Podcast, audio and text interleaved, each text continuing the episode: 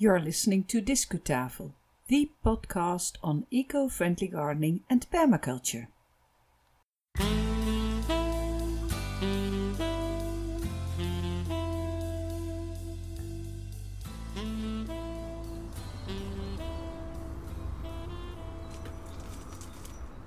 Might our soil save us?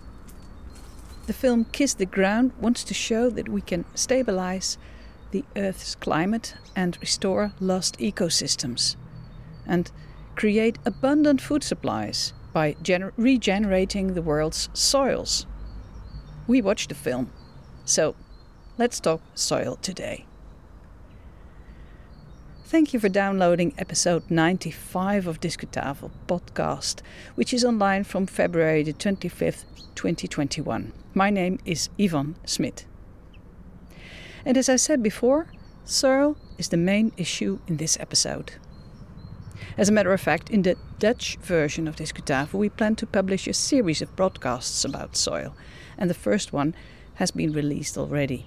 So why not paying some attention to it in English as well? Why is healthy soil that important? It has to do with climate change. The main cause of climate change is the increase in greenhouse gas concentrations in the Earth's atmosphere. Carbon dioxide is the principal greenhouse gas. It is the product of the oxidation of carbon. And according to experts, there are two main ways to slow down global warming. One of them is reducing greenhouse gas emission, and the second one is bringing back the surplus of carbon into the soil. That's a remarkable thing. Soils can draw down atmospheric carbon, and this happens with the help of plants and soil organisms. Carbon goes through the plant, in the roots, and in the soil. More carbon under our feet results in more organic matter.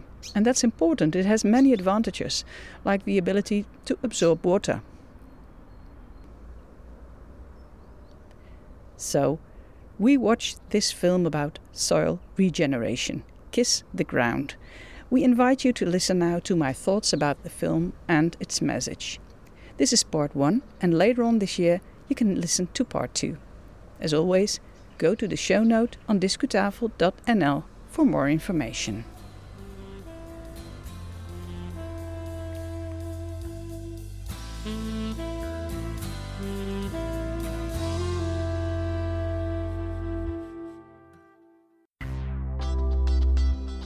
Discu Knowledge. The film Kiss the Ground was released in the United States in April 2020 and it aims to reveal the first viable solution to our climate crisis. This is an American film, and for me as a European, it's sometimes difficult to ignore the well, the bombastic superlatives, the abundancy of adjectives, and lots and lots of information in a short time.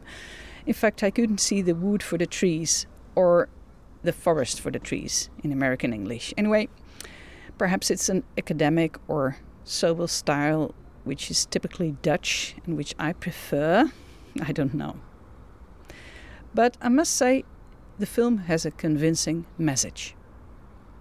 In one of the first takes, the film reflects on the man made dust bowl in the 30s of the last century. This dust bowl was largely caused by farmers leaving the soil exposed. Erosion is still a big problem in the world, and that's when soil becomes dirt. We at Discutafel did a little research on this dust bowl phenomenon. I remember old Western movies where people walked on streets covered with dirt and dead bushes, but what was this dust bowl all about? It was a period of severe dust storms in North America, and it greatly damaged the ecology and the agriculture of the American and Canadian prairies. A cause was the severe drought, but another important cause was a failure to apply dryland farming methods to prevent wind erosions. Farmers had conducted extensive deep plowing of the topsoil during the previous decade. they didn't understand the ecology of the plains. And this ploughing had displaced the native grasses, uh, the deep rooted grasses in the prairies. Those grasses had normally trapped soil and moisture, even during periods of drought and winds.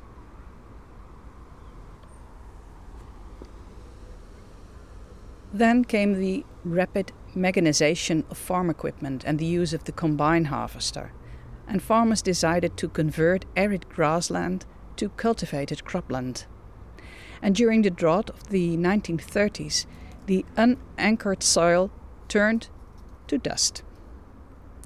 Prevailing winds blew the dust away in huge clouds that sometimes blackened the sky. Gone with the wind, so to speak. In fact, the practice of ploughing and tilling the soil exists to this day. And when we translate this to our gardens, we realize we have to use cover crops to prevent wind and water erosion and to protect our own soil. Anyway, back to the film Kiss the Ground. According to the United Nations, they say um, within 60 years our topsoil is gone we have just 60 harvests left. This simple number struck me.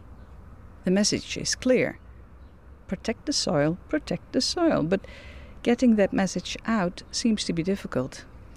We have a social issue here and an educational issue. According to the film, our food producers don't know enough about how the soil works. It's important to realize that healthy soil contains a universe of life. Soil processes are an integral part of life on Earth. Soil also plays a vital role in the global climate. And that's because of the constant fluxes of carbon between plants, the atmosphere, and the ground.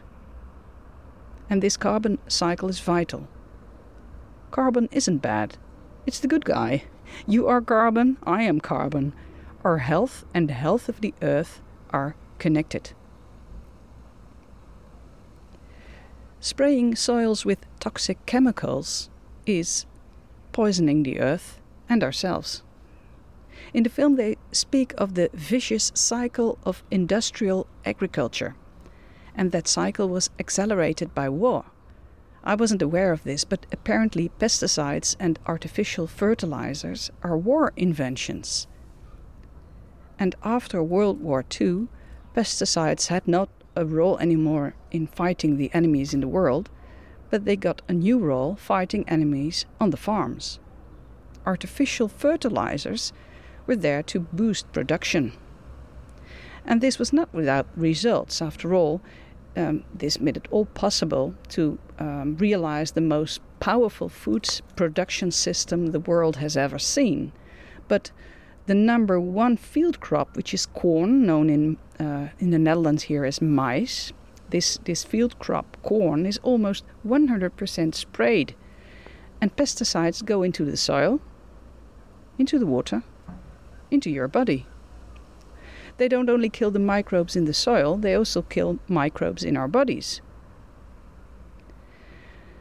Soil can produce crops without, without all these inputs of pesticides, GMOs, and thin, synthetic chemicals. Perhaps we should go back to school and read books. How did they produce food before we had these modern agricultural techniques? We should restore the water cycle. We should use cover crops and so forth. Since chemical agriculture in the 70s, we lost one third of our precious top soil. But there's more. Let's find out.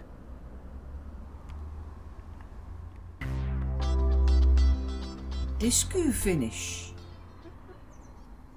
Thank you for listening to Discutafel podcast again. And as you might have noticed, I'm in the garden while recording the show and the chickens are at my feet.